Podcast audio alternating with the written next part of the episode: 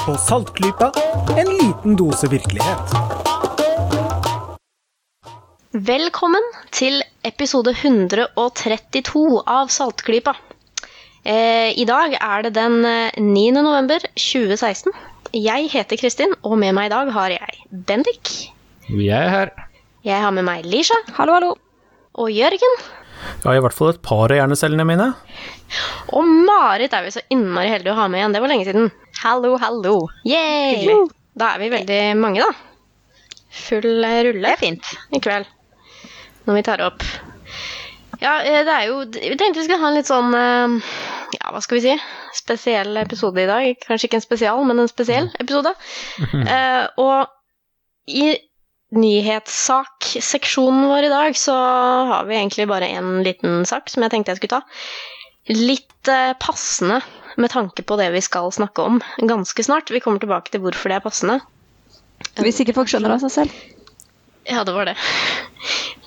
Det vil bli en merkedag, dette her etter hvert. Eh, så der, i den forbindelse så skal jeg bare nevne en liten eh, nyhet eh, fra ja, astronomiens verden, som alltid. Og det dreier seg om aliens, vet du. Den evige søken. Ja, har vi funnet dem? Har vi det? Har vi det? Er de kommet på besøk? som forskning.no spør har vi virkelig plukket opp signaler fra romvesener. Eh, Denne saken har eh, rullet og gått i noen uker nå. Eh, Jeg tenkte jeg skulle liksom la den ligge litt i bakgrunnen, fordi ja Jeg var ikke helt sikker på hva man kunne, interessant man kunne få ut av den, egentlig. Men jeg tar den nå fordi det, ja, som sagt, er litt passende, og det er en liten sånn, et lite innblikk i forskningens verden, rett og slett. Eh, her dreier det seg om eh, to eh, forskere ved Université Laval i Quebec i Canada, som heter Borra og Trottier, eller noe sånt. Sannsynligvis er det sånn det uttales. Eh, som eh, er ute med en forskningsartikkel. Eh, de, de har De er sikkert veldig glade for at da medieverden og diverse har syns denne artikkelen er fryktelig interessant, fordi altså, den er ganske oppsiktsvekkende, da.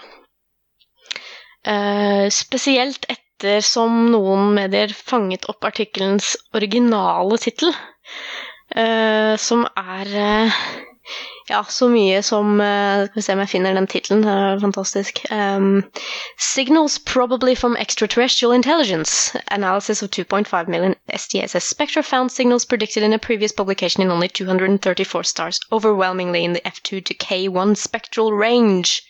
Oh, wow, the F2 to K1 spectral range. Yes! Kan det er da Jeg, jeg forsto første halvdel av den overskriften der. Ja, ikke sant? Jeg tror det var veldig meningen. Uh, og det er også da den Den tittelen har ikke bestått. Dette er da på en måte preprint-tittelen, som har kommet ut på den siden som kalles for arksiv.org. Eh, kul side for eh, astronomer og fysikere og sånn å gå på hvis man skal få med seg det ferskeste av det ferske.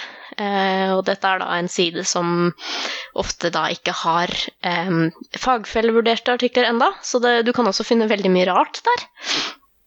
Eh, men så Nå har jo denne artikkelen kommet igjennom, da. Skal publiseres eh, relativt raskt. Eller var det akkurat nå nettopp, faktisk, at den ble publisert i eh, en journal som heter Publications of the Astronomical Society of the Pacific. Det er imponerende titler, dette her. Så jeg leste opp den rare tittelen. Den har blitt modifisert til å bli 'Discovery of Peculiar Periodic Spectral Modulatio Modulations in Small Fraction of Solar Type Stars'. Det var litt mer forståelig, da. Det høres mer ut som en vanlig astronomijournal, da. Ja, det gjør jo egentlig det. Altså, og, og den der, legg merke til at den extraterrestrial intelligence-biten eh, glimrer litt mer med sitt fravær. I hvert fall på Ja. den tittelen. Så litt mer sånn Litt mer lunken, litt mer eh, eh, Ja, litt, litt mer sånn forsiktig. Eh, så, men eh, hvorfor ville de eh, ut med Hvorfor syns de dette her var så oppsiktsvekkende, disse forskerne, at de ville ha aliens, liksom, oppdagelsen, ut på papiret? Hvorfor Um, ikke? Ja, hvorfor ikke? Nei, jeg kan jo bare oppsummere lite grann. Uh, og det dreier det seg om SDSS, uh, nevnte jeg i stad. Det står for Sloan Digital Sky Survey. Uh, det er et arkiv bestående av målinger av ja, millionvis av stjerner som er gjort med noen teleskoper i USA. Heter den Slow and Digital? Slow and Digital Ja, den heter Sloan, men uh, man kan kanskje uttale som man vil. Ok, Sloan. Fint. Ja. Ok, bra. Nei, de har i hvert fall, eh, Disse to eh, gutta har tatt for seg to og en halv millioner eh, stjerner. Og når med stjerner så mener man da lysmålinger fra stjerner. Uh, Man tar da og sprer lyset fra stjernene ut i en regnbue, et såkalt spektrum. Og så ser man på signaturen til det spektrumet. Da, ja, det kan være alt fra altså, sammensetning av hva slags stoffer lyset fra stjernene består av, og man kan lese helt vanvittig mye ut fra bare å se på lyset. Heldigvis, ellers så hadde vi ikke visst så veldig mye om dem, siden de er så langt borte. Eh, og det av de 2,5 millioner stjerner som de har undersøkt eh, lyset til, da, som, som befinner seg i dette arkivet, så er det 234 av disse stjernene som de har funnet et eh, skikkelig rart signal fra. Mm, påstår de, da. Og det som er spesielt med de 234, er at i mesteparten av dem igjen, nesten alle faktisk, eh, tilhører noen sånne stjernetypeklasser som er veldig nær den klassen som vår egen sol består av. Og det er jo litt sånn Det kan man jo tolke som ganske signifikant, eh, hvis man tar for seg deres vinkel på saken. Um, så det de ser, er at eh, du ser pulserende lysglimt, rett og slett. Og den frekvensen til de lysglimtene, den er såpass regelmessig at det må nesten antas at signalet må være kunstig. Uh, ja, det er på en måte Wow. det, det er deres nesten-konklusjon, da. Og det var kanskje det som ble veldig lagt vekt på i mediene i førsten eh, saken. Så nå forskning.no har snakket med noen litt mer sånn avslappa astronomer fra Oslo. Eh, fra Institutt for teoretisk astrofysikk. Annet av Sven Wedemeyer, som jobber der, og eh, blitt intervjua. Og da er han da selvfølgelig litt mer avslappet i eh, sin analyse av dette. Han syns de kommer til konklusjonen litt kjapt. Fordi altså, det er jo innmari mye der ute som ikke er oppdaga, rett og slett. Altså, det, det, vi kan ikke anta at vi vet at Vet vi ikke hva det er, så må det være aliens, liksom. Det høres veldig sånn kjent ut, da. For oss som har hørt mange sånne type argumenter. Ja, det er jo andre ting som pulserer i verdensrommet også. Ja, men jeg tenkte jo først og fremst på pulsarer, da, altså sånne kjempetette stjerner som snurrer såpass fort at de, hvis de har noen sånne uregelmessigheter på seg, så eh, blinker de veldig, veldig fort, og de er såpass stabile at de har et ekstremt en ekstremt relativ eh, altså sånn jevn frekvens, da. Man kan jo stille klokka etter dem. Mhm. Kan stille atomklokker etter dem, omtrent. Eh, men nå er jo dette her vanlige stjerner. Eh, Så det, da må det kanskje Ja, det kan jo være noe eh, som man ikke har sett før nå, som er veldig naturlig, men veldig sjeldent. Eh, Om det er et, et, felles, et fellestrekk at det kun finnes hos sollignende stjerner, det gjenstår jo å se.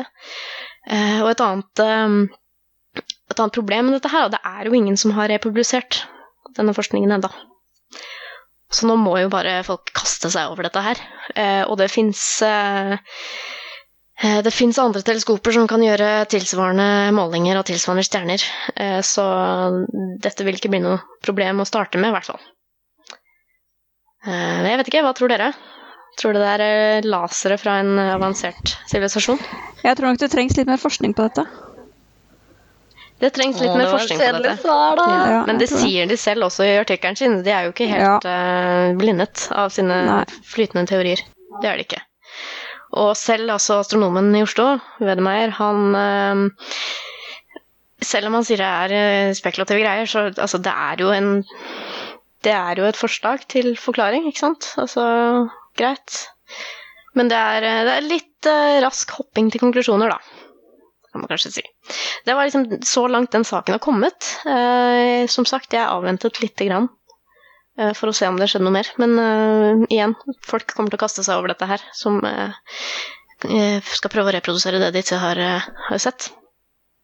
Det hadde jo vært kjekt om det fantes noe intelligent liv der ute. Ja, det er jo lite av det er nede på jorda i det siste. Men dere kjenner jo det gamle ordtaket at eh, det sikreste beviset for at det finnes intelligent liv uh, i verdensrommet, det er det at ingen av dem har prøvd å ta kontakt med oss. Nei. Men hvis det disse laserfolka har funnet eh? hva, Hvor står det nå? Hvis de da faktisk har? Ja, men det, er ikke, det kan jo bare være en tilfeldighet at vi har klart å oppdage noe uten at de prøvde egentlig Kanskje de å ta prøver å unngå oss. oss. Bare faen, de så De det! er, Faen, eh, faen. Ja, de hvisket ikke lavt nok. Ikke sant? Nå er det panikk. Men eh, nei da, altså Før vi sklir helt ut i dystopi her og sånn, så, så altså At eh, eh, det, denne sendingen tas jo opp på eh, dagen etter det amerikanske valget. Og eh, det betyr at det sitter ganske mange sjokkerte mennesker rundt i landet og kanskje drømmer om å flytte til Mars. Ja. Eh, Mhm.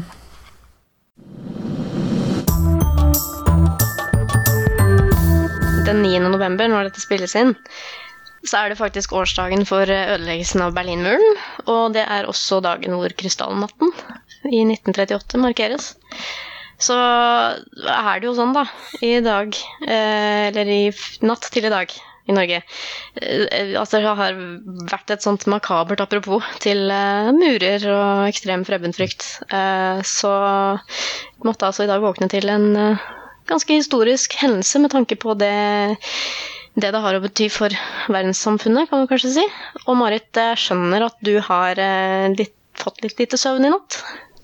Ja, ja, jeg har fått litt lite søvn i natt, for jeg, vi hadde valgvake. eh, og vi ante jo at uh, dette ville få et utfall som ikke vi var eh, fornøyde med allerede klokken tre. Og TV 2 var nok blant de første i verden til å liksom calle det og si at Trump vinner, og det var sånn uh, litt før uh, klokka seks eller noe. Mm. Ja, halv seks omtrent var de, var de ute med det. Um, men, jeg, men bare apropos dette med, med intelligent liv der ute. Altså, jeg syns jo det er litt viktig også å si at liksom Det at uh, et valg har fått et utfall som mange ikke er enig i, betyr jo ikke at folk er stokk dumme. Det er jo atskillig mer komplekst enn som så. Så derfor tror jeg det kan være interessant, eller det tror vi vel alle, at det kan være litt interessant å snakke litt om eh, hva det er som har skjedd i dette valget. Hvorfor er man blitt så overrasket? Eh, Hvorfor, eh, eh, hvorfor Hvordan har vi fått dette utfallet som ingen helt forventet, og som, som ja, bringer med seg mye merkelig av faktafeil fakta, feil og, og merkelige holdninger. Mm. Så ja, Men det går liksom ikke på at mennesker som har valgt Trump som president, har defekte hjerner. Jeg bare vil liksom undersøke det. At det handler ikke om intelligens som sådan. Det er jo helt andre mekanismer i spill. Ja, så vi kan jo for eksempel begynne å si at de som stemmer på Trump, de har andre erfaringer enn hva du har.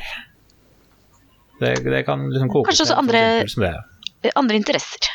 Ja. En andre interesser, Men, uh, en annen opplevelse av hvordan livet deres går, og hvem, hvordan de blir oppfattet i de høyere delene av samfunnet, og eh, hvor store sjanser de har i hverdagen, og hvor mye status quo de har, opplever. Og ja, det er så, det er, man kan dykke så dypt inn i dette her at vi, vi vet jo nesten ikke hvor vi skal begynne. Eh, Kan begynne med Vi kan jo begynne med sjokket. Kan jeg begynne med å si sitere en person som jeg ikke husker navnet på, som var intervjuet i Aftenposten i dag? Eh, Jeg vet ikke om dere så det, men det, de Aftenposten hadde snakket med åtte random folk på gata og spurt hva stemte du, Mm. og hvorfor stemte du det. Og han ene der, han oppsummerte det egentlig eh, veldig greit. Eh, for han sa han hadde stemt på Trump, men det var egentlig ikke Han hadde egentlig ikke stemt på Trump, han hadde stemt mot Clinton. Fordi Mhm. han sa Mhm. jeg, vet ikke, jeg vet ikke egentlig hva Jeg vet ikke helt hva Trump vil, men jeg vet hva Clinton vil. Derfor stemte han på Trump. I USA, i hvert fall de siste 30 årene, så stemmer man i praksis ikke på den personen man liker. Man stemmer på den man hater minst. Ja, det er det minste av to onder. Det er jo bare 330 millioner mennesker der, så det er klart det er vanskelig å finne på noe bedre enn disse to klovnene som de har eh, tatt frem nå. Det er ikke Men det er jo en forenkling, da. Eh, det som Bendik sier, fordi at det har ikke vært sånn de siste årene. De siste årene så har det faktisk vært inspirerende kandidater. F.eks. Obama har trukket nye stemmergrupper ut av husene sine. Valgoppslutningen de tidligere altså årene som Obama har deltatt i valget, har jo vært mye høyere. Og nå satt man her og håpte at Clinton ville trekke ut eh, latino, latinamerikanske velgere i samme hopetall som Obama har klart å trekke ut nye eh, altså både unge og af afroamerikanske velgere altså som han, han trakk ut nye velgere da. Vi kan jo begynne med en hypotese på, på meningsmålingene. For de tok jo alle feil. Og Ja. det så vi jo faktisk også i sommer eh, i England, under brexit-avstemningen. For der sa jo også alle meningsmålingene at eh, Remain, de, de har denne her, altså. Det går bra. Ja, og for et sjokk det var dagen derpå. Ja, For noen. Og, og ditto her også. Altså, Nate Silver og hans eh, nettsted 538, han klarte forrige valg i 2012 å, å forutsi den med ganske høy eh, pålitelighet. Og han sa liksom det er 75 sjanse for at uh, Clinton vinner, og 25 så klart. En 25 sjanse er fremdeles én av fire. Det er det er ikke ikke en helt ubetydelig sjanse. Eh, men han forventa, Nate Silver forventa ikke det valgskredet som, eh, som Trump har fått i, i går. Eh, og en av hovedhypotesene for hvorfor meningsmålingene ikke har plukket opp dette her, er fordi de konservative lyver på meningsmålinger. Eh, for, for å sette ord i munnen på dem, holdt jeg på å si. Eh, Ja, lyver og lyver, men de ønsker eh, ikke helt å innrømme hva de stemmer, fordi mediene fremstiller eh, Trumps uh, sine tilhengere som rasistiske, innskrenka, innavla idioter. Og det er klart du ønsker jo å fremstå sånn. Og hvis noen ringer deg på telefonen din, så enten vet de hvem du er, eller de kan finne ut hvem du er. Og da har du kanskje ikke så lyst til å identifisere deg som en av disse tullingene. Det har, også, det har også å gjøre med bare den, det sosiale fellesskapet som vi mennesker skaper når vi snakker med hverandre. Uansett om vi kjenner hverandre eller ikke, uansett om man har noen som helst formening om at noen vil finne ut hvem jeg er og hva jeg har tenkt å stemme. Men det er bare sånn, det er bare ubehagelig å si til et menneske som du antar er uenig med deg, at nei, jeg har tenkt å stemme Trump. Men det har de jo prøvd å, å, å kontrollere for da, ved å ha robotoppringninger, hvor man antar at man vil tørre å svare mer sannferdig, eh, og da sjekka det opp mot face-to-face-intervjuer, ikke sant? hvor du kanskje blir mer ubekvem hvis du tror at intervjueren ikke vil støtte din posisjon. Da. Oh, ja.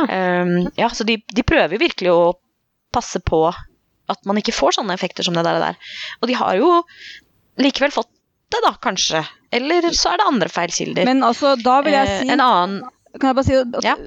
Feilkilden ikke ligger i selve meningsmålingene, men i måten man leser dem. Fordi ærlig talt så syns jeg ikke nødvendigvis meningsmålingene har bommet så til de grader. Fordi det var altså det var jo ikke akkurat predikert noen valgseier altså, av store dimensjoner til Clinton. Hun skulle vinne altså, i hele landet med 3% Og det ble det jo ikke. Men det ble jo noe sånt som eh, omtrent 0% altså Han får jo sannsynligvis litt færre stemmer og flere eh, valgmenn. Da.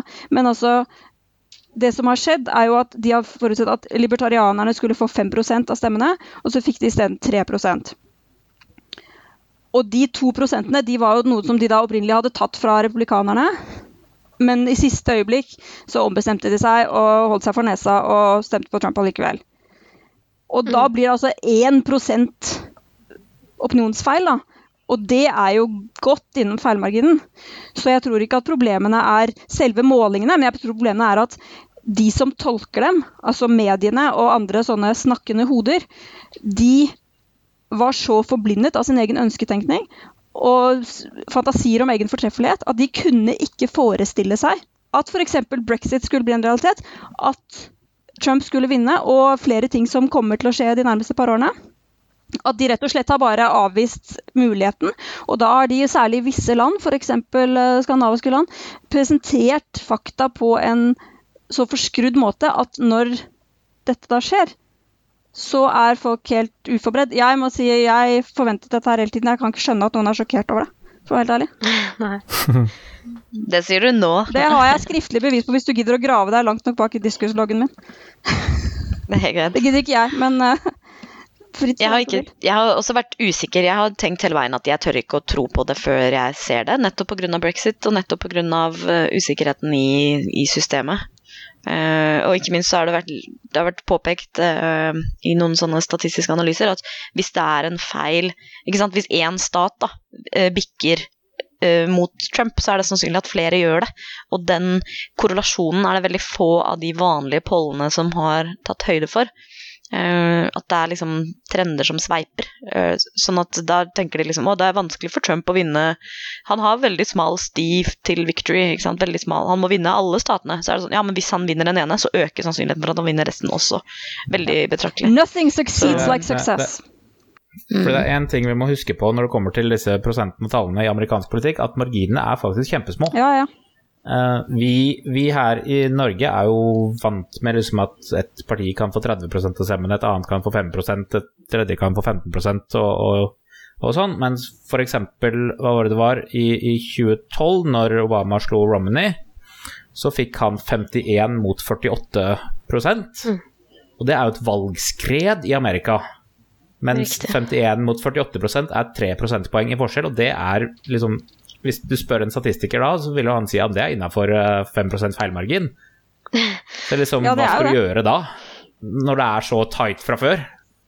Så kan det jo være andre effekter som eh, slår inn her, som er så små at de er vanskelig å fange opp når man tester eh, om eh, meningsmålingene treffer riktig.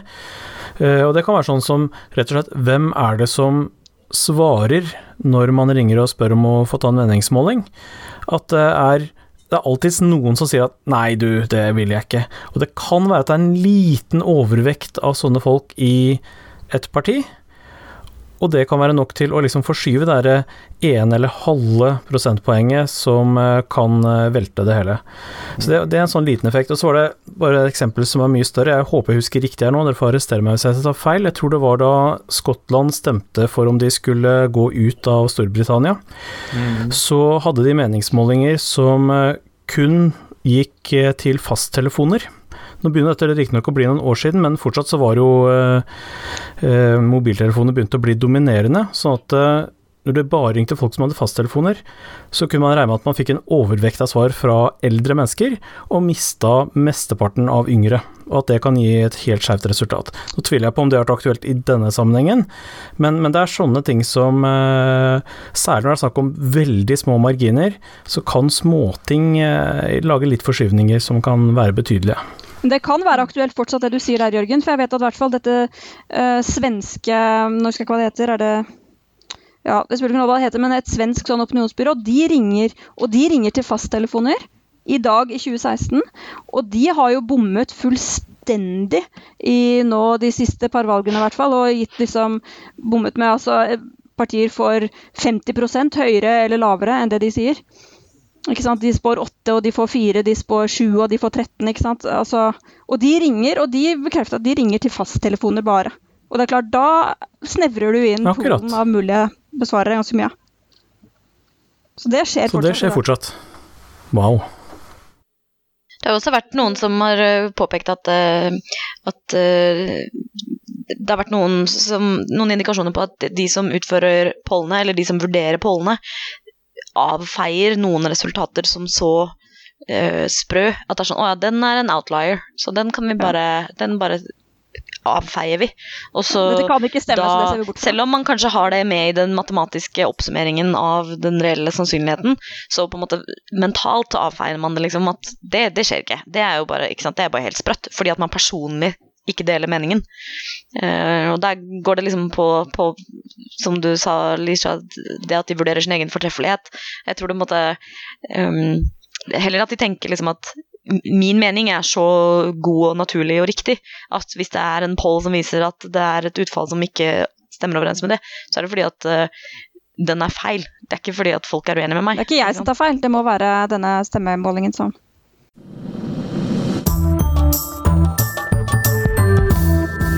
Når vi snakker om de som eh, stemte, da. For Elisha, du mente jo mediene har så innmari mye å seg selv å takke, da, for de der. Eh, og, og mange jo, sitter jo litt sånn med følelsen av at kanskje at disse her folka som fikk Trump til makten, da, eh, kan liksom skylde seg selv, og jeg nevnte også i stad at eh, det er ganske mye mer komplisert enn som så, med tanke på de som eh, som har sittet med Ja, altså, de snakker om fattige hvite amerikanere, da, som har vært en ganske stor del av eh, velgermassen her, og selvfølgelig også litt ganske mye rikere hvite amerikanere, selvfølgelig. Men uh, du, igjen, Melisha, du snakket om mediene i stad, og det har jo vært veldig mye fokus på, i hvert fall nå i ettertid, etter sjokket kom, at mediene har på en måte forsømt å snakke med velgerne selv. Og det syns jeg er litt interessant. At de har på en Ja. måte snakket veldig mye med Og det er veldig mye sånne eh, opinionsartikler fra eksperter, og snakket veldig mye med liksom, de høye herrene lenger opp. Og kan, det, kan det ha noe med det å gjøre? At det, de som faktisk Ja, eh, altså føler seg eh, altså, oversett her, da. At de, de er Altså, vi, skylder, vi hadde skyldt dem litt mer taletid. Jeg tror nå i hvert fall at en stor tabbe som har vært gjort her, har jo vært at eh, For man snakker om politikerforakt, ikke sant. Og det er klart, det fins. Det er et reelt eh, Jeg vil ikke kalle det et problem, eh, det er et reelt fenomen. Men i like stor grad så er velgerforakt et problem. At Jeg vet ikke om dere husker den artikkelen, det var vel i fjor eller nesten enda lenger siden, hvor Aftenposten hadde et stort oppslag om ja, eh, strømninger i Europa, da, som eh, visse mener er urovekkende. Hvor en danske var intervjuet, og han sa det at folk liker ikke nå Man føler seg veldig fjernt fra de som styrer, og man liker dem ikke. Mm. Og det oppsummerte han med følgende at de pisser på oss, og så klager de på at vi Ja. stinker. Og nettopp der, du har en sånn utrolig avgrunn nå mellom eliten på den ene siden, og deriblant media, som absolutt ikke skulle være i den campen, og folket på den andre siden. Og Mm. Og så kommer en som, som Donald Trump da, og lover velgerne sine at han skal bare tørke inn liksom, Han skal drenere hele skal- sumpen der. Altså, han Ja. har et godt poeng i det at Washington, men alle etter hvert i dag eh, vestlige lands politiske eliter, er en sånn eh, ja, broilerfarm, nærmest. Altså at folk lever jo ikke De begynner i politikken når de er 15 år, ikke sant? Og så jobber de seg oppover og har aldri jobber, har aldri De lever rett og slett ikke i den virkeligheten hvor velgerne deres lever. Altså Det sitter jo en person nå uh, i Kongressen som har sittet der i 51 år.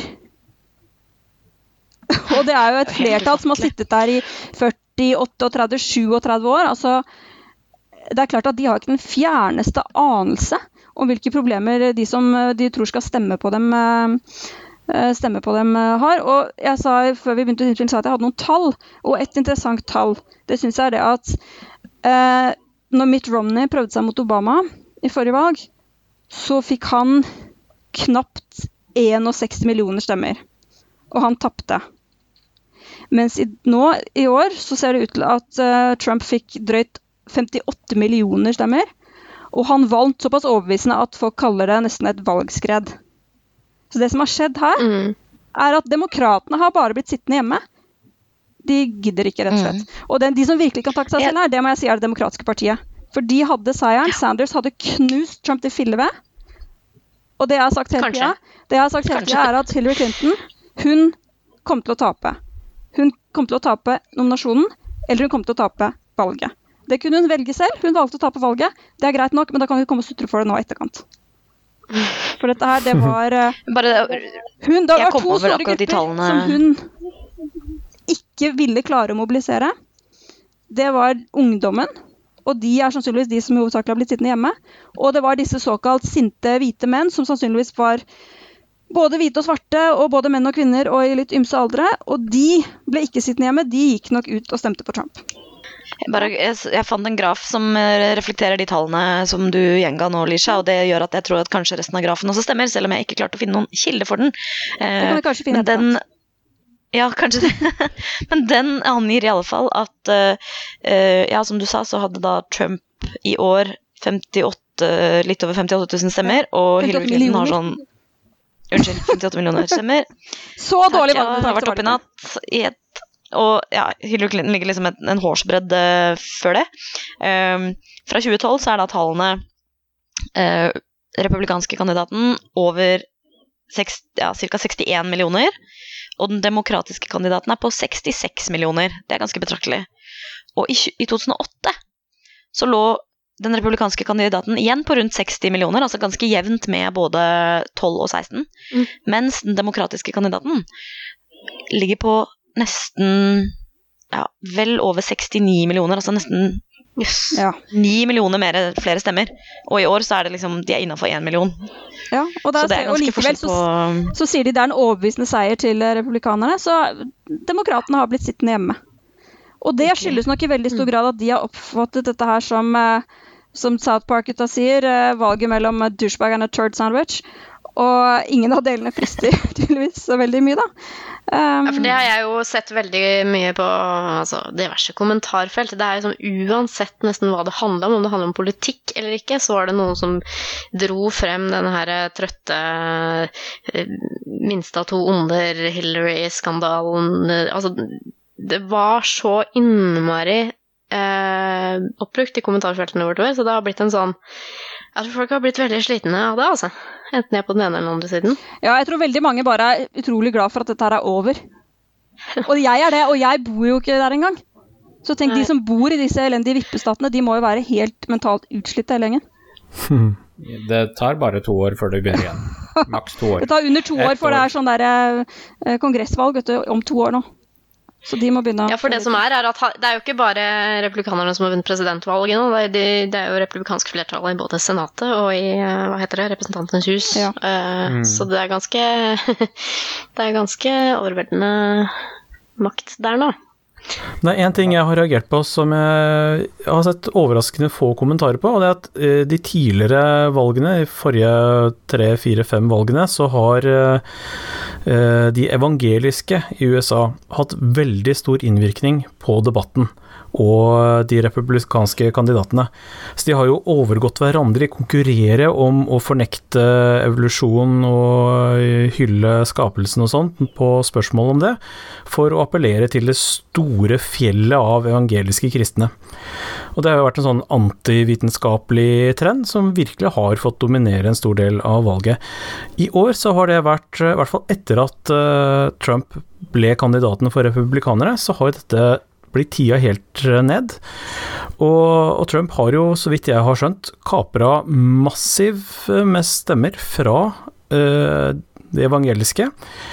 Um, og det på tross at han åpenbart knapt besitter en eneste kristen eller etisk verdi i det hele tatt. Ja, men det gjør ikke det evangeliske Det har nok med partilojalitet å gjøre. Ja, ikke sant. Men eh, det som det betyr, er jo at eh, det kan, dette kan forandre republikanernes politikk på sikt, når det viser seg at eh, det spiller pokkeren ikke noen rolle. eh, I hvilken grad presidentkandidaten på noe som helst vis etterlever idealene til de evangelisk kristne. Mm, Kanskje han- han har fridd dem fra, fra deres klamme grep.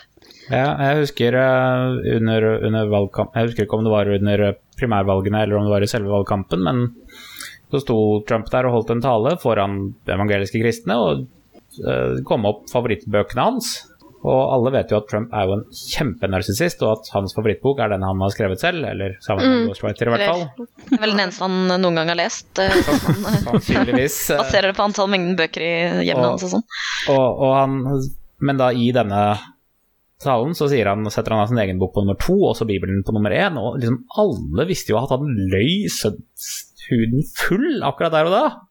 Den mannen der er kanskje den mest ateistiske, eller i hvert fall agnostiske, personen i Washington på lang, lang tid. Var har kanskje Ganske liberale verdier òg. Ikke sant? Du kan jo høre Ja, er rett og slett fordi fordi han er så narsissist at han bare bryr seg ikke om det tullet der. Og et par år gamle lydklipp så sier han jo eh, I'm totally pro-life, everybody knows I'm pro-life. Og så kan du nå høre han si uh, Nei, det var nå. Eh, og tidligere, for en del år siden, så kunne han Ja, for et par år siden så sa han uh, I'm totally pro-choice, everybody knows I'm pro-choice, I'm from New York. Men og så må jeg bare si at sånn de tok han på at, hvor, hvor lite han leser Bibelen, er jo ganske morsomt, fordi han ikke sa min favorittbok er Eller la meg lese noe til dere fra Second Corinthians. Han sa Two Corinthians. Corinthians 2. Så der er det masse sånne Two Corinthians walk into a bar. Ja. Eh, Men akkurat der da, så er det mulig i dette valget her at eh, de evangeliske kristne var såpass trengt opp i et hjørne at eh, Trump ikke trengte å fri til dem. Fordi veldig mange av dem vil nok mene at presidenten i USA det er en upassende jobb for en kvinne. Slik at de rett og slett ikke kunne stemme på henne. No way, no how. Så Trump skjønte nok det at eh, hvis de der stemmer i det hele tatt, så blir det på meg. Så jeg gidder ikke stå her og jatte med disse tullingene. Så bare ja, ja, pro life, whatever. Ja, men det kunne jo ha ledet til eh, hjemmesittere blant dem, da, men det har du jo ikke gjort.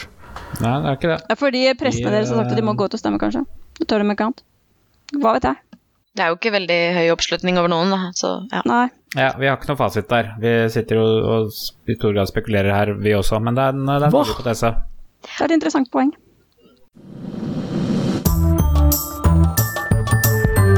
Jeg hadde en ting til å si om eh, dette med mediene og, og uh, eliter versus folket. Og det er at eh, det dukket opp en, no, en artikkel som jeg syns var veldig god for en stund siden hos Cracked. Cracked.com. De glimter i- til innimellom, altså. Ja, det gjør det. Det er jo egentlig en Ja, humorside, men så noen ganger så slår de til med en kommentarartikkel som bare virkelig peker på noen ting. Uh, og den kommentarartikkelen heter 'How Half of America Lost Its Faking Mind'. Uh, og den går gjennom konflikten mellom de rurale områdene, uh, altså livet på landet, og ja, versus byen, da. Og, og når du ser på liksom hvem som stemmer rødt og hvem som stemmer blått, så er det ganske åpenbart at det deler seg jo helt inn i land og by.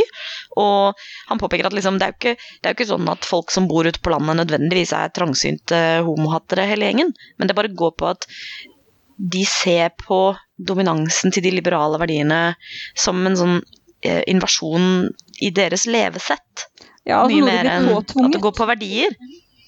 Ja, noe de blir påtvunget, ja. Og at, eh, at det rammer dem på mange flere måter enn at oi, nå må vi akseptere at han ene homofile mannen bor her, liksom. Det er ikke så farlig for de hvis du, hvis du snakker litt mer i, da. Det går faktisk oftere på way of life. Altså at eh, det følger med store butikkjeder, og det følger med eh, tap av eh, industrijobber og sånne ting, da, når, når storbyverdiene brer om seg. At det er der det er disconnecten. Jeg syns det var en veldig interessant analyse. Ja, det var det. Og det handler jo også om Mm. at folk føler at dette her ikke akkurat er valgfritt. Da, ikke sant? Fordi alt, som den artikkelen gjør et godt poeng av, at alt av populærkultur kommer fra byene. Absolutt alt. Og da blir det veldig sånn at det er visse ting kan du ikke mene, for da er du sant, et dårlig menneske. Uh, hvis du er uh, hva som helst som kan defineres som homofob, da, hvis du kanskje er imot eh, adopsjon for homofile, da er du automatisk et dårlig menneske. Og en masse sånne ting som Mm. de kom, sikkert kunne komme frem til selv hvis de fikk tid på seg, men nå kommer det fra hovedsakelig LA, da. Og du får det kjørt ned i halsen, og det skal du mene, ikke sant. Og hele mediekjøret er bare mot at visse ting er bare per automatikk dårlige. Og det er dette som folk har trodd på i generasjoner ute på bygda, ikke sant. Og det, det er klart de, de liker ikke å få seg opp, leksa opp at dette kan du ikke mene lenger, for da er du slem. Nei, og det er, Det er det er en blanding av det, eh, og at de da i, i år etter år etter år etter år har blitt lovt forandring, og det har blitt absolutt null forandring i livene deres og hverdagen deres, og det de syns er hardt i hverdagen. Ja. Så de er lei av det som er status. Da. Og så blir de jo også mobba og hengt ut. Ja. Uh, altså, Ja. Country life er noe trist og fattigslig, ikke sant, ifølge byfolk. De blir jo Og kalt for trash. Altså, Alt det er kule skjer i Trash, byen. og det er liksom lov å si. Uh, Jeg syns det var et treffende sitat her. Um, it really does feel like the worst of both worlds. All the ravages of poverty, but none of the sympathy. Og så er det da sitat Blacks burn police cars, and those liberal elites say that it's not their fault because they're poor. But my son gets jailed and fired over a baggie of meth, and those same elites make jokes about his missing teeth. You're everyone's Ja. punching bag, one of Mm. society's last remaining safe comedy targets. Og det er ganske sterkt å lese det, altså. Mhm. Ja, for det, er jo, det går jo på individuelt nivå, da. Sant? Ja, folk tar det jo personlig, og det er jo som du sa, Kristin, at eh, folk opplever at det ikke går riktig vei, da. Og jeg tror det er der Trump har eh, truffet tidsånden. Eh, om man kan si det Det sånn. var en genial businessidé fra hans side. Ja, det var det absolutt. Man kan jo se Og- på det Jeg ser det litt sånn Jeg ser det litt sånn Jeg ser for meg hvordan han har tenkt, da. For han har jo hele livet vært en sånn som bare skal bare vinne mer og mer. Vinne mer avtaler, vinne mer businesskontrakter, vinne høyere stillinger. Vinne mer penger. Og det, det meste du kan vinne i USA, er jo presidentkandidaturet. Ja, absolutt. Og nå har han vunnet det. Så det er, det er liksom sånn Ja, Han har fått det til, altså. og jeg tror han så det. Han har jo snakket om det nå Det i spørs om han Ja, ikke, og- bare ikke gidder å gjøre mer nå, fordi nå har han, Nå har han fått det. vunnet. Men Liksom. han har jo snakket om dette her i 17 år, om jeg ikke husker feil, siden 99, at han skulle prøve å bli president. Men han har nok sett eh, på en måte at det er nå det passer, da. Fordi nå er folk skikkelig drittlei. Obama lovte hope and change, ikke sant. Eh, og Mm. de, den changen har ikke manifestert seg sånn som folk håpet. Og folk er så lei politikerne som Hillary Clinton er nærmest innbegrepet av at nesten hvem som helst han er å foretrekke. Og når han da er det som oppleves som en dyktig forretningsmann Jeg tror ikke han er en dyktig forretningsmann, for alt han tar i, virker jo å bli bare køl.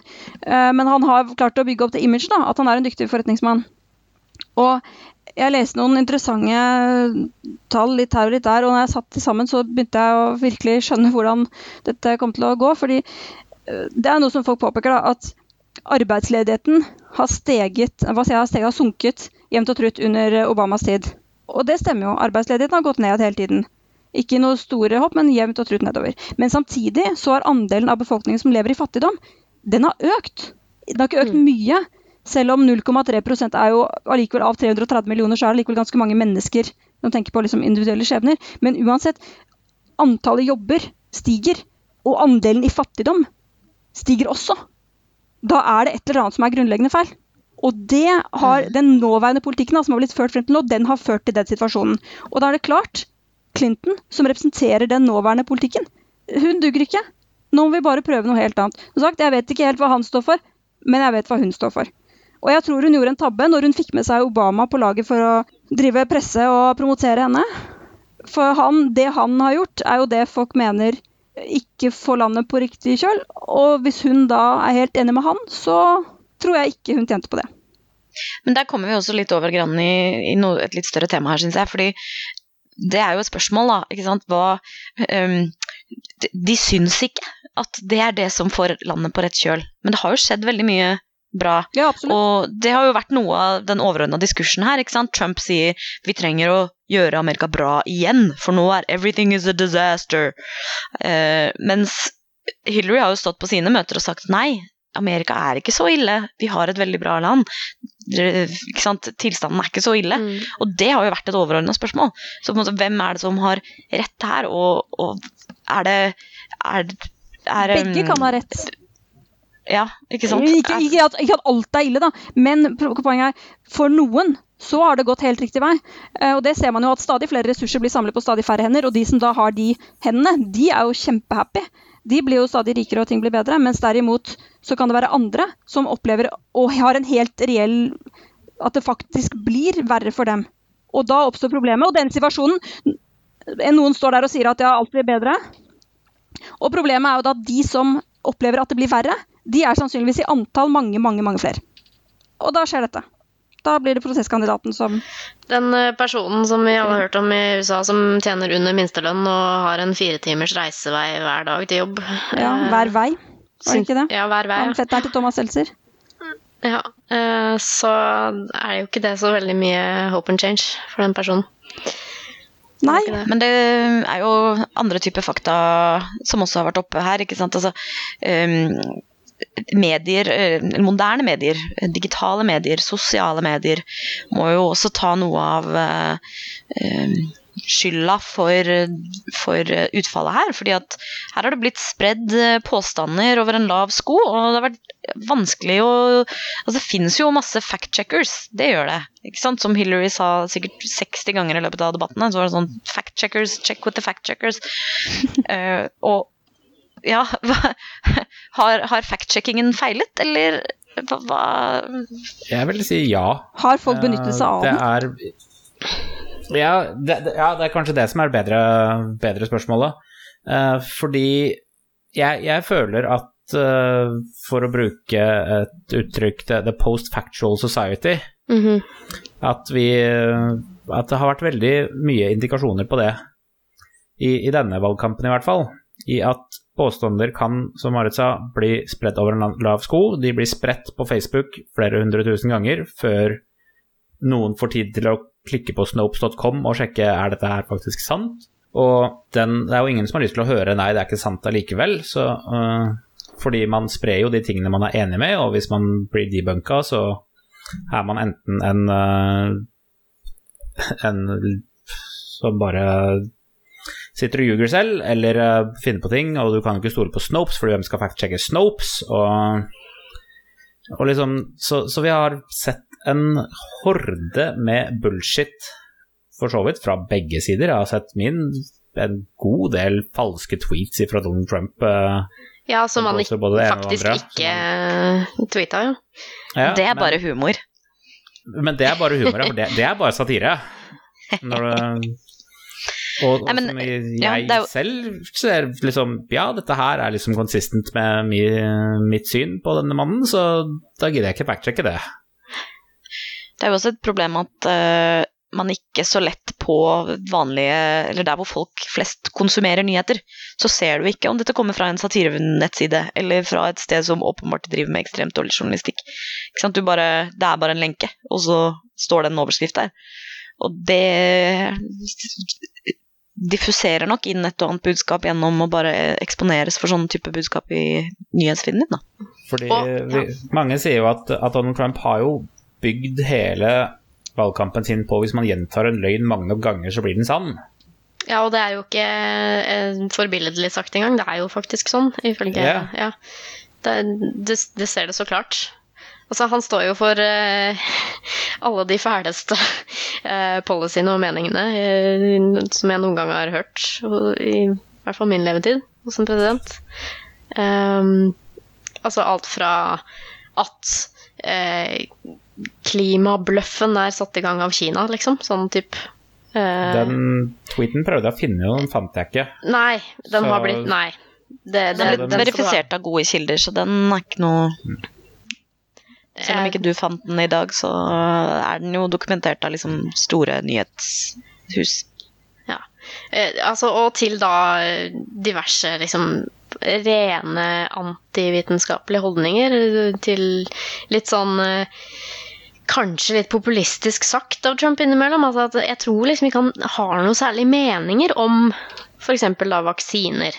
Men så, mener, og så ser han jo det, da, at det flyr i mediene at det er noe sånn Ja, eh, at vaksiner ikke er testa godt nok, at det kan være farlig. Og da skjønner han det at det er noe folk bryr seg om, så da sier han det i en eller annen tale, ikke sant. Og så Mm. blir han populær hos de antivitenskapelige. Det er eh, Ja. Det er mm. snodig, altså. En, jeg bare kom over en eh, og det er at eh, han har blant sin 100, første 100 dagers plan meldt at han vil kansellere alle betalinger til eh, FNs klimaendringsprogrammer og re, put, altså redirigere de pengene til, å, til eh, amerikansk infrastruktur. Ja, det vil ikke spille så mye rolle, for USA betaler omtrent aldri en dritt til FN allikevel. De er jo det landet i verden som aller mest, skylder aller mest penger til FN.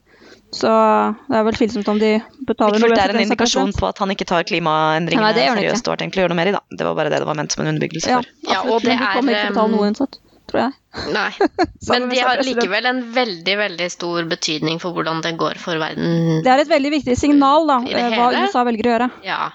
Eh, sånn som en av de tingene han også har lovt å gjøre da, i løpet av sine første dager som president, er jo å rive denne Paris-avtalen i filler.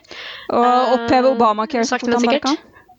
Oppheve Obamacare, ja. Eh, så, sånne ting, da. Og altså, Parisavtalen er jo en sånn uh, verdensomspennende forsøk på å lage et verdensomspennende nettverk av eh, enighet om hva man skal gjøre for å redde klimaet.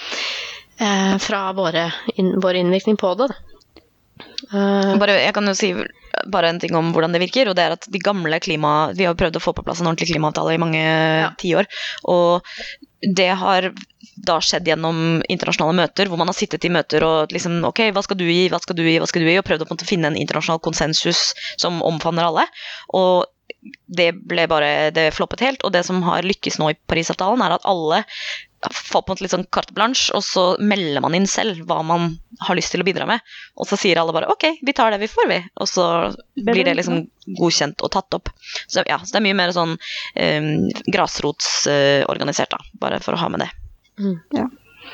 Nei, altså Kina kan jo også eh, det- Henne trekker seg ut av pga. at det, i forkant av Parisavtalen av den gang, så har både USA og Kina eh, sammen sagt at de skal eh, på en måte ta en lederrolle da, for å møte utfordringene.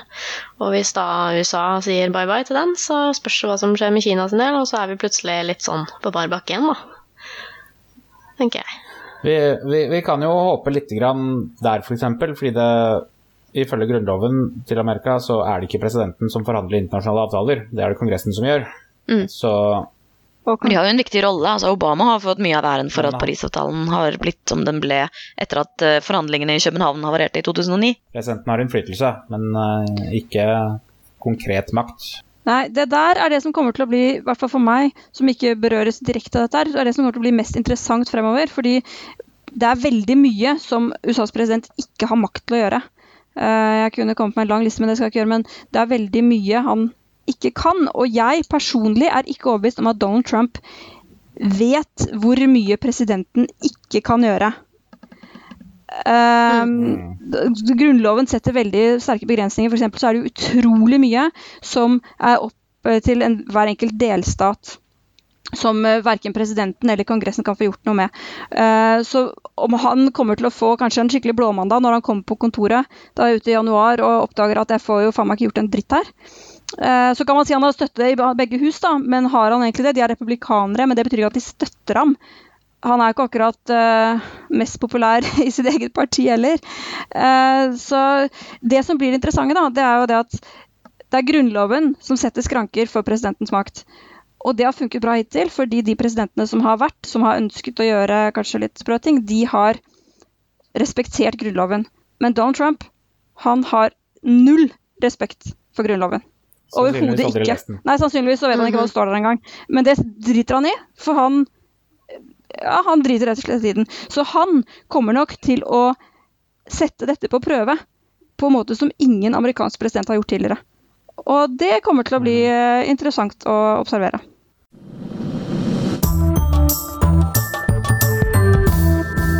Ja, jeg hørte en analyse fra en bekjent på Facebook, ikke en person med, som så vidt jeg tar noen spesiell innsikt, men det var en interessant liten betraktning rundt dette her med eh, hva mm, Trump som president kan bety for eh, internasjonale klimaforhandlinger. Eh, han mener at dette her er så tungrodd i USA uansett, at det kan hende at dette faktisk er den beste løsningen. At nå kommer det til å gå så gærent at hele USA reagerer, sånn at ved neste president så får man mer fart på det enn det ville blitt hvis ting bare hadde dura godt. Ja, det Eller kanskje til og med at eh, individuelle bedrifter, altså selv om staten ikke tar noe ansvar, at eh, bedriftene selv gjør det fordi de ja, enkelte setter fokus på det på andre måter. Ja. Så jeg vet ikke om det der er riktig, men det er bare en interessant betraktning oppi det hele. Jeg, jeg kommer til å synes at det her er, vil være kjempeinteressant eh, når det kommer til USA. Jeg personlig er eh, akselerasjonist. Det er et vanskelig ord som jeg pleier å snuble over når jeg sier, men jeg tror jeg klarte det denne gangen. Eh, I at eh, jo større katastrofe det blir, jo raskere kan vi rive ned hele greia og bygge den opp på nytt. Ai caramba. Ja, skal det gå til helvete, så er det kanskje greit å bare få det gjort. Ja, Bare la det rase istedenfor å seigpine. Noen menn vil bare se verden brenne, var det noen som sa. Jeg uh, står der, ja. Ja, vel, jeg vet ikke helt om jeg så der. Altså, jeg syns at litt for mange enkeltpersoner og enkeltgrupper i det amerikanske samfunnet blir ramma av dette her, til at jeg kan synes det. Eh, Jeg vet om Ja. eh, en god del mennesker som var oppriktig eh, kvalme og redde eh, for jeg håper seg selv, og det gjelder jo selvfølgelig da eh, Ja. mer eller mindre undertrykte minoriteter i, i verden og USA. Ja. Jeg, jeg, jeg ville jo aldri stemt på han. Jeg, jeg er jo ikke enig i noen av de tingene han, han står for. Jeg vil jo, vil jo presisere det. Uh, jeg har lyst til at han Jeg er skal enig i noen som han står for. hele det republikanske partiet så hardt at uh, president Bernie Sanders kan komme i 2020. Da er han altfor gammel, det kommer ikke til å skje. Michelle Nei. Obama. At president uh, Michelle Obama og Chelsea Clinton kan komme. Elsie Clinton. oi, oi, oi, oi, Nei. Nå, nå begynner vi å ralle Nei, her. Nå er det bare sånn, nå bare Hvis du vi du skal vi skal eksperimentere så langt, så vil jeg si at eh, de kan slå to fluer i en smekk og få sin første kvinnelige president og sin første homofile president ved å kjøre med Ellen DeGeneres, for hun vinner. Da oh, kan vi snakke om.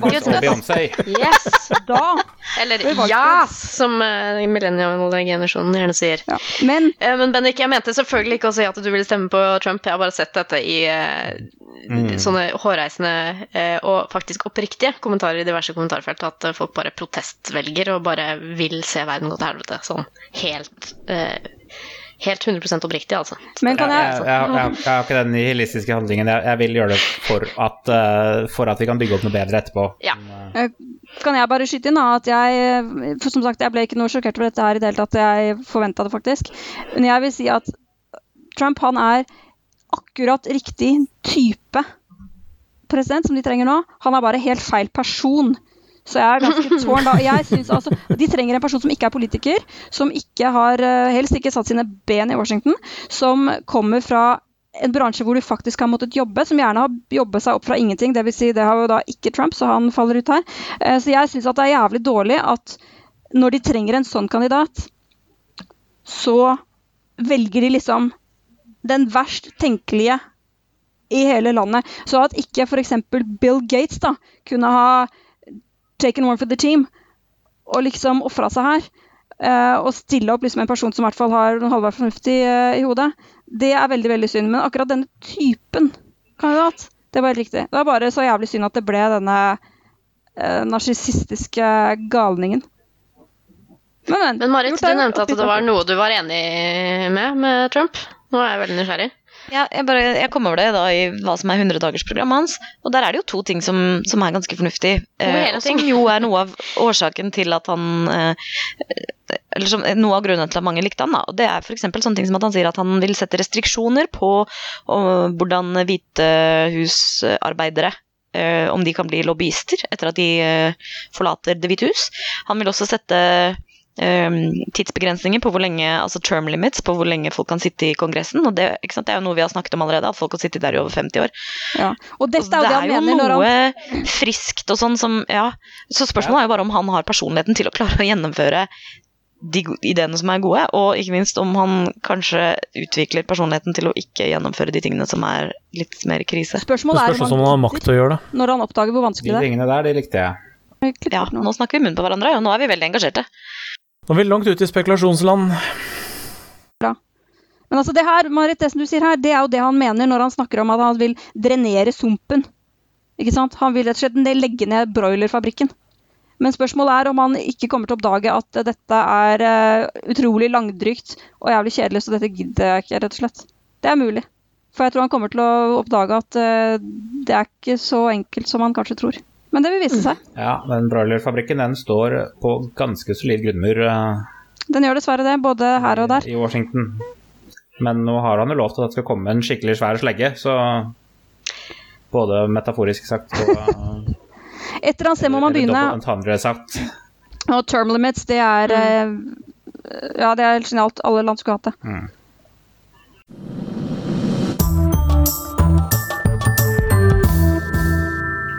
Yes. Det må skje. Du, nå har vi snakka veldig lenge om amerikansk politikk, men jeg tenker at eh, Det er bare hvert fjerde år, få det ut. Er det ikke sånn eh, er det ikke sånn det er? For dette er jo ganske spesielt. Denne var litt unik. Ja, var, Ja, den var litt unik. Derfor så måtte vi bare, for det er så mye her. Og jeg tenkte at det kanskje var på tide å avslutte med litt sånn, eh, litt sånn som vi pleier å gjøre, litt uh, myteknusing. For det er to ting, og du snakket i stad, eh, Bendik, om The Post-Factual Society, og det gjelder jo ikke bare de vitenskapsignorante som vi liker å skylde på alltid. Det gjelder jo oss alle. Alle kan være blinde for Altså, når vi, når vi hører ting som vi liker, og som stemmer med vårt forutinntatte verdensbilde, så er vi litt mindre kritiske til den infoen vi får, altså. Og det har jeg Det sett senest eh, i dag. Uh, F.eks. på Twitter og Facebook og litt sånn. Så er det mange oppgående personer. Jeg singler ikke ut noen, men jeg kan si at det var flere. Som igjen da delte et par ting som for lengst har blitt avslørt som helt oppfunnet og falske. Igjen ettersom hvor mye man vil stole på Snops, men man kan jo gå der og se selv hva, hva Snops, hvordan Snops har funnet ut. Uh, det ene er da at uh, Trump Det er et sånt mem, da. Det er, to, det er et par memer. Uh, bilde av Trump med et sitat som er fra sånn typ slutten av 90-tallet uh, eller noe sånt. hvor Trump sier at hvis han en gang stiller til presidentvalg, så kommer han til å stille for republikanerne. For de er de dummeste som fins, og tjo og hei, og, så har da folk delt den. Eh, med underteksten Jeg har sett den delt minst tre ganger på, hos mine venner på Facebook i dag. I dag bare, ja. Og jeg har sett den mange ganger før også. Uh, og det sier jo folk at se der, uh, hvorfor så vi ikke dette komme? Altså, det er jo bare løgn. Og det stemmer jo så innmari med det inntrykket vi har av Donald Trump. Uh, men det viser seg at det er bare tøys og oppspinn, egentlig. Det kan godt hende han egentlig har sagt noe i, foran sofaen for å Eller ment det, i hvert fall. Personlig Altså, det som er så Ja, altså, det er jo det som, det som er så bra med dette, eller så opp sjokkerende, og alt ettersom hva man vil med det, er at man syns det stemmer sånn med det mm. inntrykket man har av hans personlighet. Og republikanere. Og republikanere, faktisk, ja. Men det, eh, det, som er veldig greit med det klippet, der, er jo at det oppgis jo faktisk en kilde. Det står at det er et intervju med People Magazine i 1998. Mm. Og da er det jo ganske greit å søke gjennom arkivene der, og det er det noen som har gjort, og de har ikke funnet noe slikt sitat. En annen eh, Vi kan jo avslutte snart. En annen sånn liten uh, falsk uh, mem som har sirkulert, og igjen, da, senest i dag, uh, er jo dette her med The Simpsons, altså tegneserien som forutså at Trump skulle stille til presidentkandidat allerede i år 2000. Og viser da et bilde hvor man liksom eh, stiller ved siden av hverandre to bilder av eh, en Simpsons-episode fra 2000. Også et bilde av faktisk av Trump i en eller annen situasjon, og de situasjonene ser helt identiske ut. Så det er sånn skummelt eh, nøyaktig forutsigelse. da. Problemet er at den er jo ikke fra 2000, eh, den episoden. Den er fra 2015, etter at Trump hadde annonsert at han gikk til valgkamp. Eh, så eh, ja det er jo ikke så veldig vanskelig å motbevise det, hvis man bare kan se gjennom litt Simpsons-episoder. Men det er jo en gammel Simpsons-episode som henviser til president Trump. Det er, det det er jo en eller annen sånn future ja, dystopi-halloween-episode eller ja. noe sånt. Ja. Mm. Men da var det bare ikke den uh, nøyaktig like scenen. Ikke sant. Nei, det som jeg syns er skumlere, er jo Back to the Future-filmen hvor han med biff og Ja, hvor liksom du har den derre Han mistenkelig ligner på en eller annen vi har sett før, og har et sånn stor skyskraper med masse grell interiør og liksom er skikkelig ekkel. Navnet sitt på høylytt. Ja. ja. Så det, den syns jeg er liksom litt skumlere. Det den er jo også velkjent at det ble modellert på Trump, da. Det er jo det, faktisk. Så det var den veien det gikk. Men jeg tror det passer å, å avslutte der, jeg. Så kan vi heller gå over til eh, La oss komme oss tilbake til nåtiden. Litt, litt tilbake til nåtiden, og over til eh, ukens anbefalinger.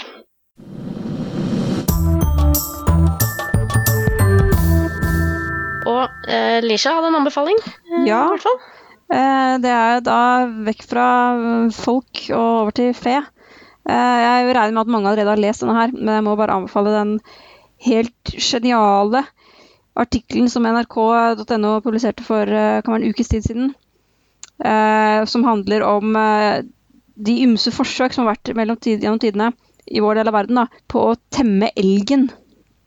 Uh, hvor man har ment allerede fra 1700-tallet at den nasjonen som kunne temme dette dyret og gjøre elgene til sine undersåtter, ville ha et enormt fordel i, Uh, ja, i kappløpet, da. Og det er masse morsomme bilder og til og med videoer av folk som uh, rir på elg og har elg foran vogna og gjør masse underlige ting da, med elg. Så hvis du er uh, Lo-fan og liker Doppler-bøkene, så er jo dette her unmissable.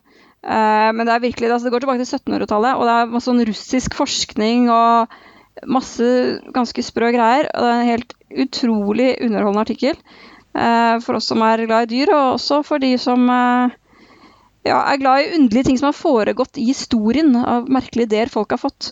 Og det har da vist seg at det går ikke an å temme elgen. Eller det går an å temme dem, men det går ikke an å holde dem på en slik måte at eh, de bevarer helsen. eh, og at det er liksom feasible. For de har så spesielle kostholdsbehov at eh, det går egentlig Det er ikke praktisk mulig. Men det var veldig mange morsomme forsøk eh, i kampen over, over kanskje 250 Bare en kjapp anekdote der. Eh, Det var en gang jeg drev og skulle være formidler på vikingtid, og møtte på en fyr som insisterte hardnakket på at eh, vikingene hadde elg på bås. Ja, det besto han fast og hardt på, uten noen som helst begrunnelse, vel å merke, men det må de jo selvfølgelig ha hatt. Ja, Uh, nei, som tanke, sagt, de trenger et veldig veldig variert kosthold. Uh, og den egentlig eneste praktisk mulige måten er å la dem gå rundt i skauen og finne det sjæl. Hvis de lever på sånn som du gir til hestene dine, de får ganske mye rese, da får de diaré og driter seg i hjel, rett og slett. Uh, og det vet jeg faktisk er et problem i mange dyrehager, at elgene Mm. får diaré. da. Fordi det er så vanskelig å gi dem det rette kostholdet. Så jeg tror ærlig talt ikke vikingene gadd det. For det ville vært en ganske bedritten fornøyelse. for å si det Nei, ikke jeg heller. Men kanskje de hadde en trell et trell til er hver å som gikk og samlet uh, alt mulig rare ting ute i skauen. Det kan godt ha vært da. I en slaveriøkonomi så er jo ting mulig som kanskje ikke er så hensiktsmessig i vår mer pengebaserte verden. Jeg skal ikke se bort fra det. Yes. Nei, men det er bra. Nei. Eh, Jeg har en liten anbefaling også. Eh, Skeptikere på puben Oslo har sitt neste treff eh, den 24. november. Da skal vi være på kafé Noas Ark på Birkelunden. Vi skal linke til det, selvfølgelig. Og så har Bendik en anbefaling. Ja, den er ikke så veldig vitenskapsrelatert, men jeg er en fan av penger. Eller jeg er nærmere bestemt en fan av Det er ganske nyttig med penger. Ja, det er for ikke noe penger. De av dere som er våkne, har fått med at uh, Norge skal få nye pengesedler. Uh, I 2017 til 2019 så skal sedlene våre byttes ut. Og i fjor og forfjor har det vært uh, konkurranser og utstillinger om å, om å finalisere designet på disse nye sedlene. Designet er klart. Det skal Eller de har for så vidt vært vist og presentert før, men de skal holde en liten utstilling og et lite seminar om hvordan designe sedler. Ja. Syns, syns ting som syns, jeg syns er gøy. Uh, det er i Oslo, det også. Uh, nede på Vippetangen. Uh, 22. til 27. november. Eh, vi legger en lenke til hvor det er til Facebook-eventen, så kan dere finne fram hvis dere har lyst til å gå, gå på et lite seminar om seddeldesign. Jeg har tenkt meg dit, i hvert fall. Ja. Marit, du er glad i natur. Jeg vil også si noe. Eh, for, før helgen, eller det var vel egentlig eh, tidligere i uken, så begynte det å gå et klipp rundt på internett som var aldeles eh, nervepirrende, av en eh, øgle som prøvde å løpe fra en flokk med slanger. Det var litt Ja. sånn betegnende for eh, gårsdagens eh, følelse, eh, egentlig. At man prøvde å løpe. Eh, øglen kom seg jo helskinnet Oi, spoiler, spoiler, spoiler! Å, fy. Man har sikkert sett den allerede, det klippet. Ja, Øglen kom seg helskinnet fra slangene. Det var veldig spennende. Eh, Så vel gikk det kanskje ikke oss alle. Nei da, det går greit. Men i hvert fall. Det klippet er fra Planet Earth del to. Planet Earth er jo en vidunderlig naturserie Fantastisk. som er eh, Hva heter den narrated på norsk? Eh, Fortellerstemmen er ved. ja, fortellerstemmen er ved David Attenborough, den eminente. Oh, Er det ikke alle naturdokumentarer med David Attenborough? burde vært det. Dessverre. Ja, dessverre. Det er litt vondt noen ganger å se på med en dårlig eh, fortellerstemme etter at han ja, gjør det så eminent. For han er virkelig Han har så god intonasjon og stemmen og tonefall og alt. Ja, i hvert fall. Men Planet Earth BBC har jo da lagt masse penger og ressurser i å filme dyr som på en måte som aldri har blitt sett før, og det er vidunderlig og fantastisk. Og jeg oppfordrer alle til å finne ut hvor de kan se det selv. Det går i hvert fall på BBC Earth for de som har den kanalen. Og forresten så får man finne det ut selv. Jeg tenkte sånn helt før vi tar kvelden, og Marit får lov å ta igjen eh, for at hun døgnet i dag. Eh, Jeg må si en ting til, ja. og det er jo også at apropos den eh, fagre naturen vi omgir oss med, så internett reagerer jo på merkelige måter når rare ting skjer i verden. Og det som har skjedd eh, en av de nettsidene som jeg liker å gå på, som heter Imager, altså Imgur, hvor, eh, som basically er bildedatabanken til Reddit, der har altså forsiden i respons til Trumps valg blitt tatt over av havsnegler. Vakre, vidunderlige havsnegler. Flott. Og innen du leser dette, så kan det hende at forsiden er dominert av andre saker. Men jeg må si at havsnegler er vidunderlige og undersatt pris på dyr. Eh, Nå begynner jeg å miste ordene mine her. Uh, så, Mye amerikansk om- politikk i det siste. ja, så om du går på immegur.com og det ikke er havsnegler der, så kan du søke på havsnegler selv. For det er vel verdt å gjøre. Fantastisk. Ja. Nei, men i hvert fall nå, da. Så tenker jeg vi sier ha det. Eh, og som sagt, dette spilles inn på den skjebnesvangre dagen, 9. november. Eh, markering av krystallnatt er i dag. Berlinmurens fall var på 9. november. Trump vant presidentvalget 9. november. Og eh, det som kanskje er lett å glemme, er at det også i dag er eh, fødselsdagen til en av eh, historiens beste vitenskapsformidlere, nemlig Carl Sagen. Så, og hvem er vel bedre til å liksom roe ned nervene til folk som bor på denne planeten, enn han, eh, når han forteller om eh, menneskene og de små menneskenes plass i universet. Så jeg har lyst til å gi våre lyttere eh, Pale Blue Dot-talen, som vi skal linke til. Fordi den får meg til å grine happy-tårer og senke pulsen litt. Så jeg tror egentlig det er veldig mange som kanskje kan trenge det nå. Tror vi det.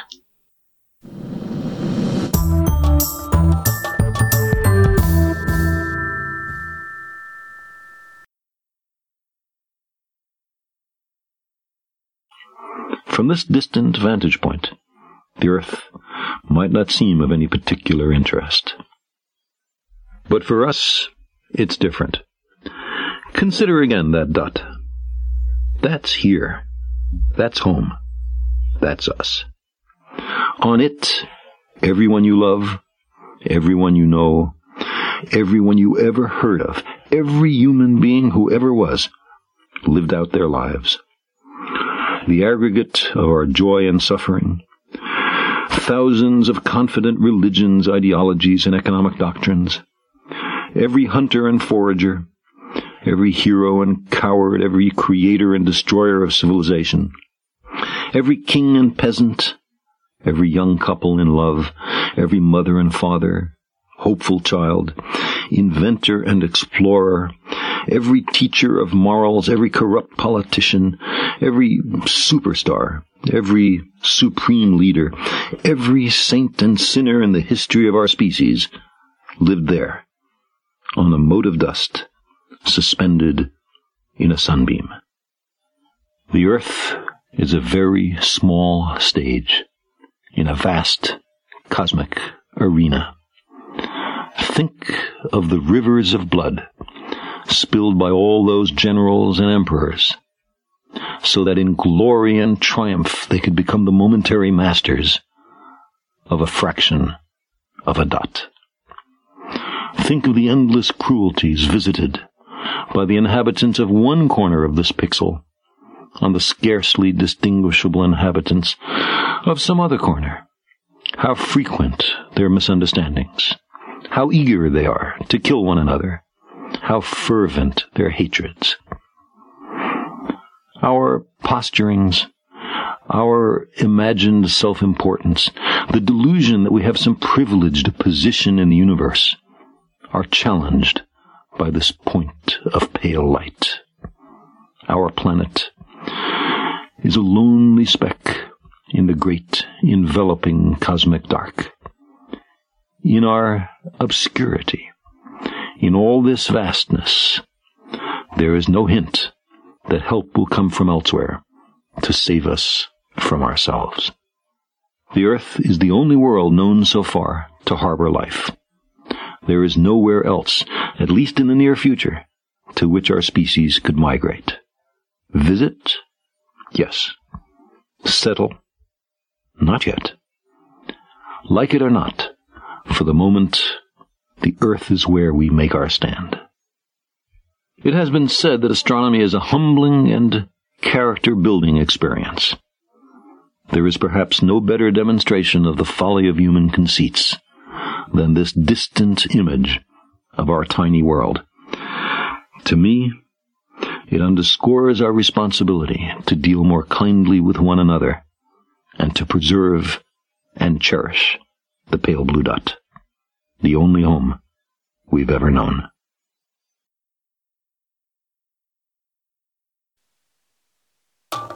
Saltklypa lages av Kristin Lisha, Jørgen og Bendik. Har du spørsmål, anbefalinger, ris eller ros, send det til post at saltklypa.no, eller finn oss på Facebook. Lenker til alt vi har snakket om i episoden finner du på saltklypa.no, hvor du også kan abonnere på podkasten for å få hver episode levert på døra helt gratis.